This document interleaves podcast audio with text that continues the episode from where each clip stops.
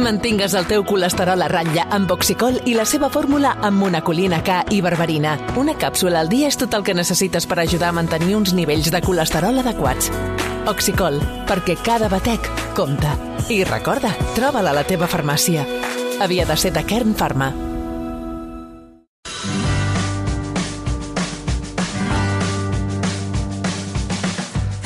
Avui a Islàndia la història de Cipriano Martos, un noi mort a Reus a mans de la Guàrdia Civil.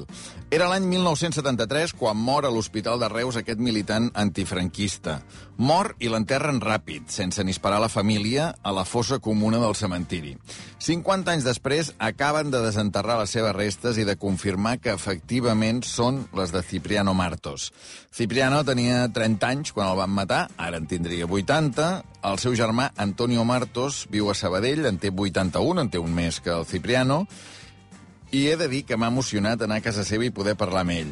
Ara podrà enterrar per fi el Cipriano al costat dels seus pares. Que si es que es verdad, en el más allá saben algo también, que vean que, lo, que al menos lo que, los huesos están con ellos allí. De seguida sentirem la conversa íntegra amb l'Antonio, però abans li he demanat al periodista Roger Mateos, una persona clau en aquest cas, que va publicar el llibre Caso Cipriano Martos, que m'expliqui qui era el Cipriano, qui era aquest noi que la Guàrdia Civil va acabar matant a Reus. Eh, Cipriano Martos va emigrar a l'extraradi de Sabadell, a la barriada de Can Uriac, el 1969. Venint d'un poblet molt pobre i, i aïllat de la Granada Profunda, doncs aquell Sabadell en plena ebullició del moviment obrer el va enlluernar i es va polititzar. I de tota la gamma variadíssima de sigles antifranquistes que hi havia en aquell moment, doncs eh, Cipriano Martos va anar a parar al PCML, el Partit Comunista d'Espanya marxista-leninista, que era el promotor d'un front més ampli que s'anomenava FRAP. Eh, el FRAP era una de les organitzacions més combatives de l'època i Cipriano doncs, va militar-hi un temps, eh, primer a Sabadell, després a Barcelona, fins que el partit el va destinar a una cèl·lula de Reus. I va ser a Reus on el van detenir l'agost del 73. Va ser arran d'un repartiment de propaganda a Igualada, que hi havien anat eh, amb ell i uns companys seus de cèl·lula per fer un repartiment de pamflets eh, i d'octavetes a, a les portes d'una fàbrica, la fàbrica de Punto Blanco, i primer van detenir un camarada seu que després de, de patir tortures doncs, va acabar eh, revelant dades que van permetre finalment a la Guàrdia Civil localitzar i detenir també a Cipriano Martos abans que, que pogués marxar de Reus. I eh, la detenció va ser el, el 25 d'agost del 73 eh, Cipriano va passar més de 48 hores d'infern en aquella caserna de la Guàrdia Civil a Reus eh, mentrestant els agents van fer el registre domiciliari, domiciliari al seu pis al carrer Pubill Oriol al centre de Reus Allà hi van trobar instruments per fabricar, per fer propaganda, van trobar quilos i quilos de pamflets, octavetes, premsa del partit, banderes republicanes, banderes del FRAP i també els ingredients imprescindibles per fabricar eh, còctels Molotov. És a dir, eh, àcid sulfúric, gasolina, eh, clorat de potassa, goma aràbiga, etc. I tots aquests flascons se'ls van endur a, a la caserna i van continuar a, eh, amb l'interrogatori a Cipriano Martos. Sabem per testimonis que en aquell moment i en aquella caserna els detinguts patien tota classe de tortures, pallisses, maltractaments i Cipriano eh, no, era, no va ser una excepció. De fet, a Cipriano el van atonyinar fins i tot davant d'algun dels, dels altres detinguts que ho, ha, ho ha pogut explicar i, i el seu testimoni surt, el, surt recollit en el llibre Caso Cipriano Martos, però eh, les tortures amb ell no es van acabar aquí perquè en algun moment de l'interrogatori eh, doncs, li van fer veure eh, en el moment segurament que més el, el collaven perquè revelés més dades eh, li van fer veure uns globs d'àcid sulfúric i aquella doncs, va ser el, el principi de la seva fi. Eh, immediatament l'interrogatori va haver de ser suspès a Cipriano el van traslladar eh, urgentment a l'Hospital de Sant Joan de Reus Eh, allà va quedar ingressat durant 21 dies, va estar agonitzant 21 dies, eh, sempre amb una parella de guàrdies civils custodiant-lo i vigilant-lo, fins que el 17 de setembre del 73 eh, Cipriano Bartos va morir. Mm.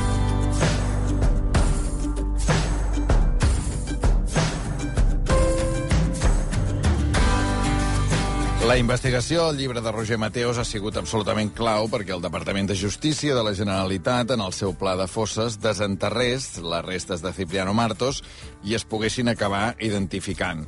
De fet, Cipriano haurà sigut la vintena persona que identifiquen en aquest pla de fosses des de 2016, eh, que s'ha pogut exhumar i veure que, des del punt de vista genètic i físic, quadra eh, que efectivament és la persona que s'estava buscant. Li hem demanat, per acabar, abans de sentir el germà, abans de sentir l'Antonio Martos, eh, amb el Roger, amb el Roger Mateos, que ens expliqués doncs això, com, com s'ha quedat ell després que el cas s'hagi resolt d'aquesta manera? Doncs ha estat emocionant veure com els treballs d'exhumació han culminat finalment amb, amb èxit i sobretot el que és reconfortant és saber que tot això eh, ho ha pogut veure i, i ho està vivint eh, l'Antonio, el seu germà, que és una, una persona que tant ha lluitat perquè el cas no caigués en l'oblit, que ha estat dècades i dècades esperant eh, que passés alguna cosa així i que, que tant de coratge ha, hi ha posat eh, fins i tot en els moments més, més complicats.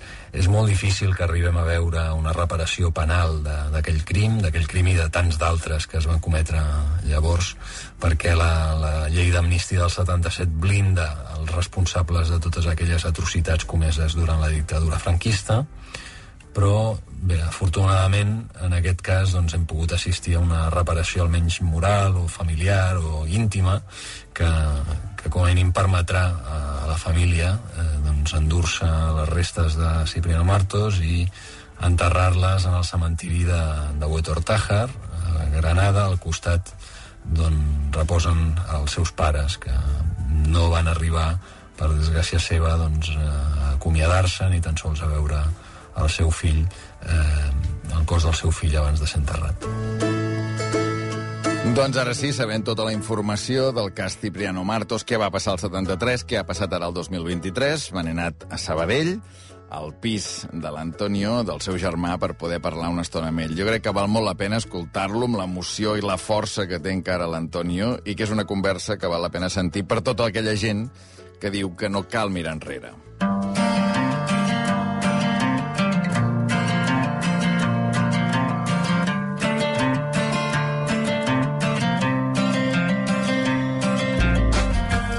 Antonio Martos, buen día. Buen día. Su hermano es Cipriano Martos. Sí, Cipriano Martos es mi hermano, sí. Usted había... Era, era mi hermano. Hoy ya siguen siendo mi hermano los restos que, que me han querido dejar que, que, que, que pueda coger. Antonio, ¿quién era su hermano? ¿Quién era Cipriano Martos? Mire, Cipriano Martos era un cacho de pan. No le dice a lo más bueno un cacho de pan. Pues eso era él. Él estaba, antes que él, estaba todo el que se acercara a él. Incluso los animales. Él pasaba hambre por, porque no pasara hambre un perro que tenía. Allí en el pueblo, aquí no. Som al de casa seva, a Sabadell, i veig aquí, a davant, som al sofà ara, i a davant al moble hi ha una foto preciosa del seu germà amb un marc que posa Ni olvido ni perdón, Cipriano Martos Jiménez, asesinado por los, fas por los fascistas 17 de septiembre de 1973. Sí. Bueno, eh, no sé qué responder a esto. Yo eh, lo que me duele mucho es que personas que hacen mucho más crímenes, que hacen asesinos y que hacen, fueran eh, protegidos y una persona que no era capaz de, tirar ni una china a, a otra persona, ¿eh? que fueran a, a, sin, sin darle la posibilidad siquiera de decir, te vamos a dejar 20 días para que recapacites. Para si algo no ha hecho bien, a veces recapacitas y nos pides perdón y pides perdón y mira, y, y hacemos paz. Pero es que no se lo dejaron siquiera. Y eso es lo que me duele también mucho. Su hermano no tiene ningún delito de sangre. No, exactamente, exactamente simplemente porque estaba con, con un carnet de, del Partido Comunista marxista-leninista español eh, le llegaron a oprimir tanto para que dijera quién eran los jefes, que esto, que lo otro, que lo otro, que lo otro. Y, lo llegaron a torturar tanto hasta, hasta llegar a meterle eh, eh, el veneno. Porque en un interrogatorio lo primero que hacían con una persona de esas era atarlo de pies y manos en el asiento que estuviera para que no pudiera coger nada y nada. Y, por eso vuelvo a decir, no fue despiste, fue a conciencia. Y, fue a conciencia porque él lo tenía atado seguro, de pies y manos en la silla, para que no pudiera mover un brazo. Y ahí fue donde lo cogieron y con unas tenazas de errar las bestias le abrieron la boca y le metieron el líquido. y no hay otro camino. Y si hay otro camino, siempre lo he dicho, si alguno de aquellos vive y un día me dice, mira, pasó esto y pasó lo otro, y lo tuvimos que hacer por este motivo, por el otro, y yo pido perdón porque si no lo hago, me cargan a mí también y me mandan con él. A esa persona lo perdono yo y después de todo lo voy a considerar como un hermano. ¿Usted cree que a su hermano lo mataron los guardias civiles? Sí. Sí. Y digo una cosa.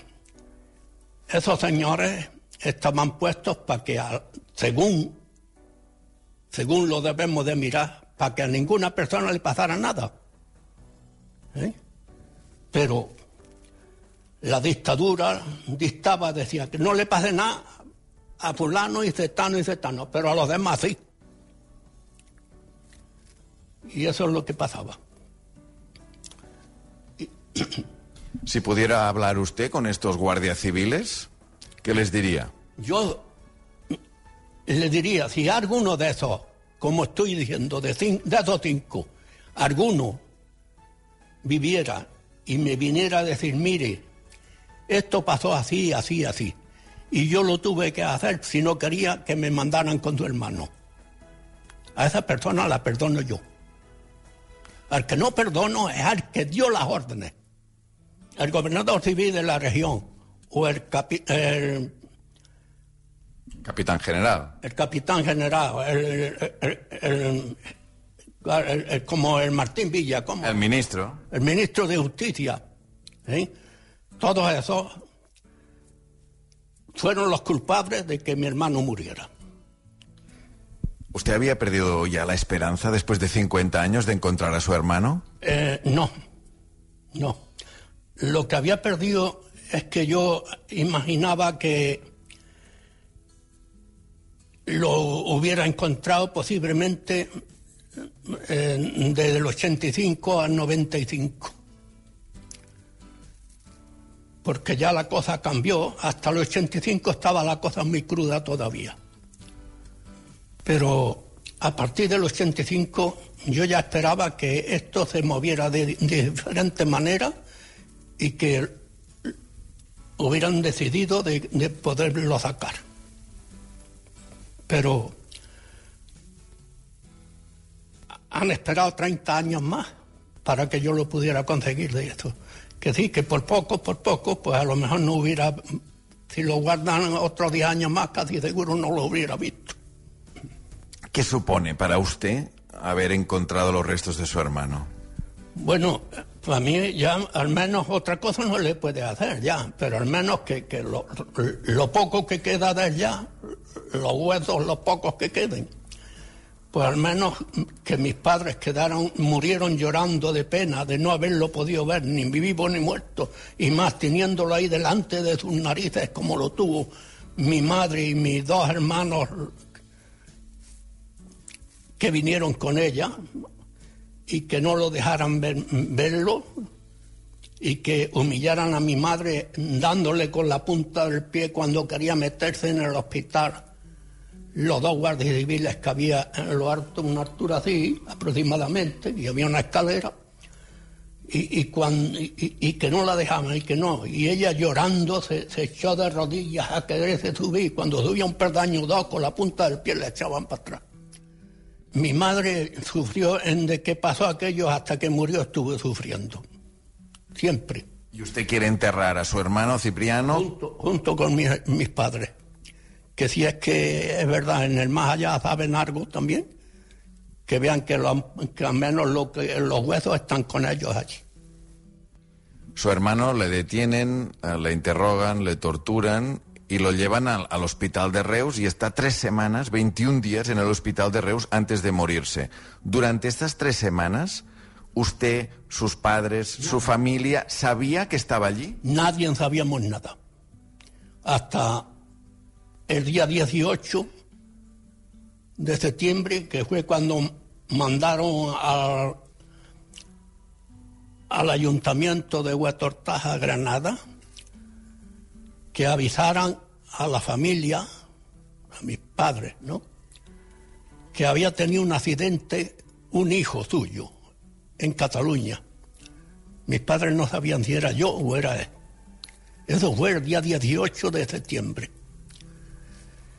Y ese mismo día, pues, le dijeron que se presentaran, bueno, que si venían que fueran a Reus.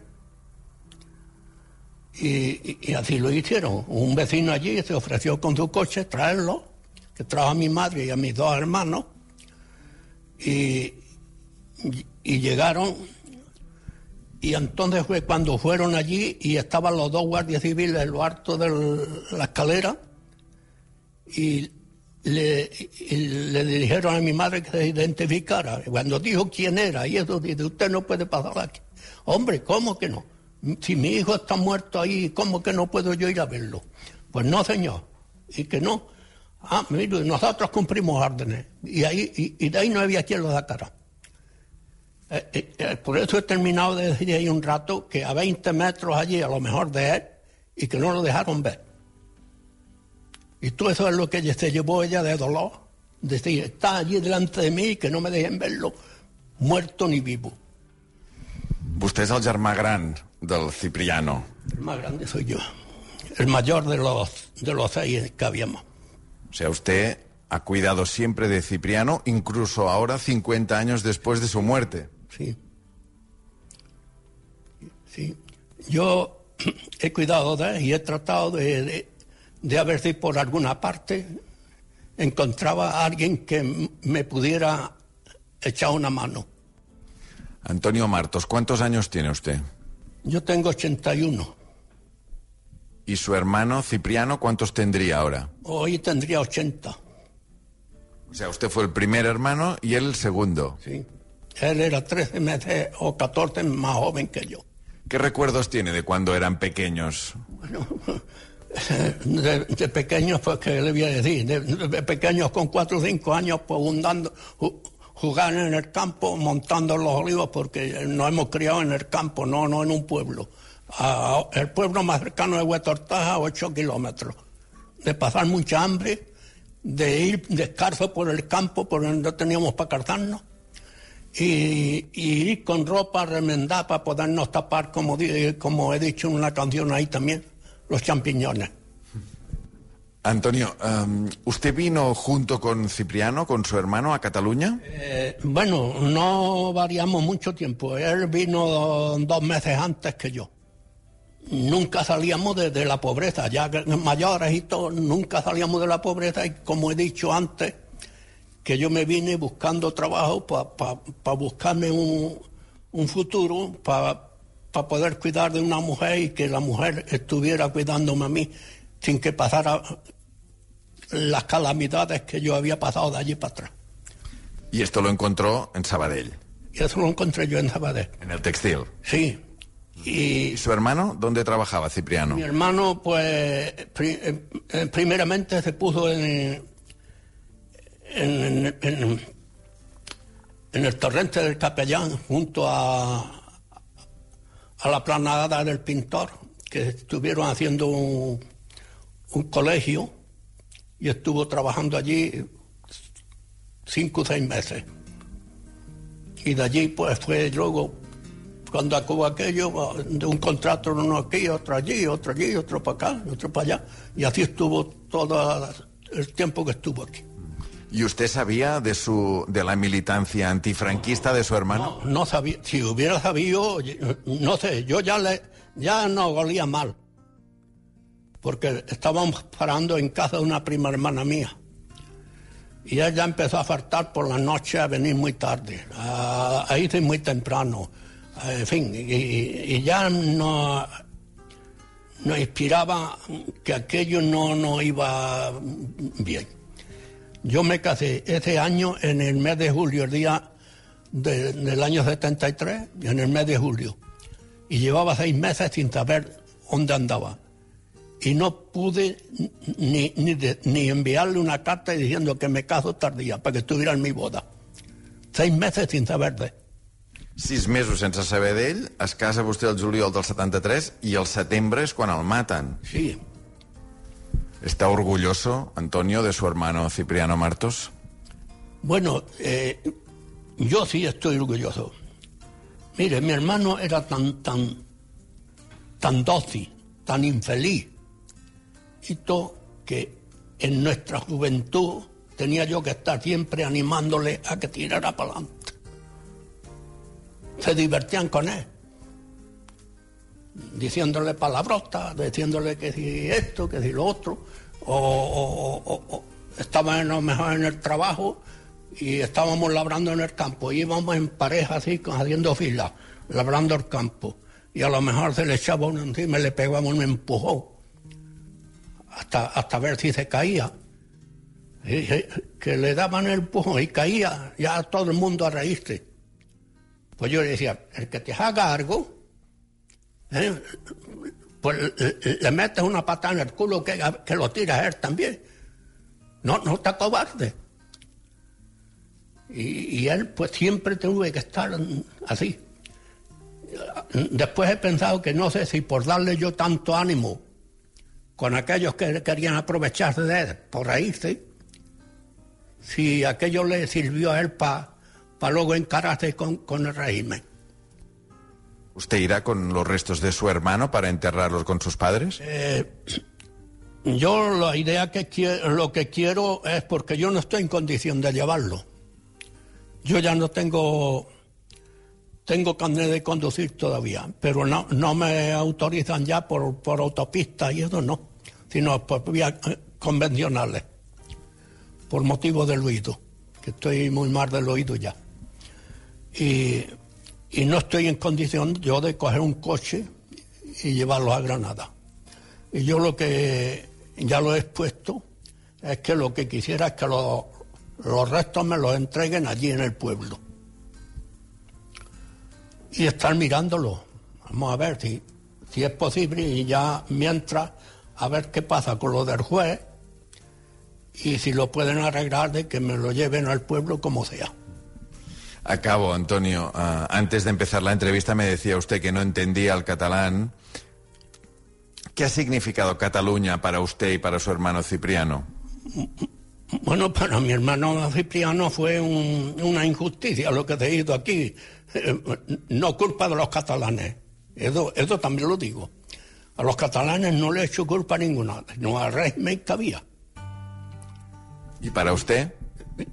Precisamente el régimen que había ha, ha hecho tantos crímenes como con Luis Compán, con Blas Infante en, en Andalucía, con Federico García Lorca, con, bueno, tantísimos y tantísimos. Eso es por poner una muestra de, de- de- ¿eh?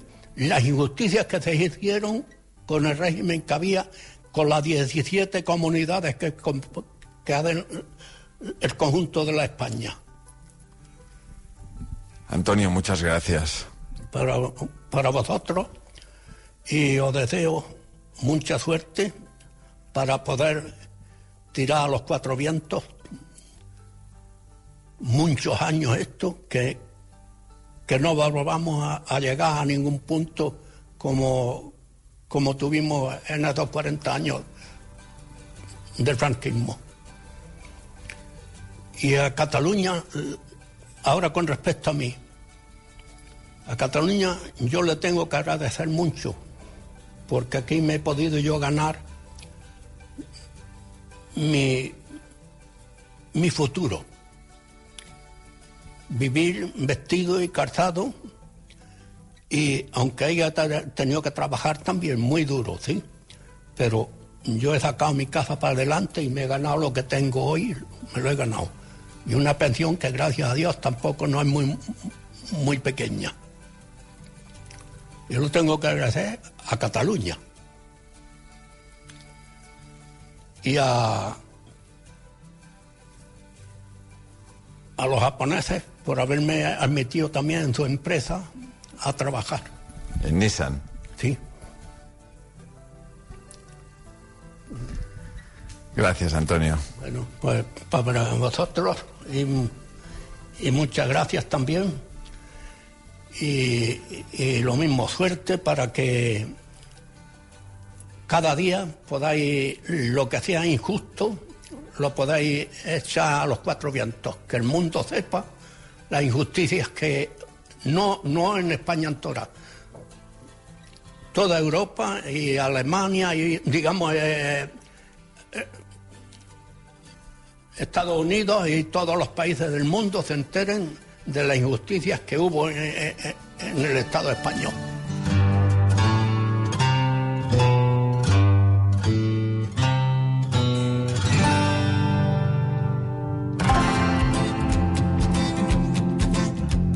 Gràcies a l'Antonio Martos per la seva veu, pel seu testimoni. Hem parlat, dir-li també a l'Antonio això, que hem parlat amb el Departament de Justícia. Després d'aquesta conversa ens confirmen que no ha de patir l'Antonio, que s'encarregaran de portar les restes de Cipriano Martos fins al poble de Granada perquè finalment el Cipriano pugui ser enterrat amb els seus pares.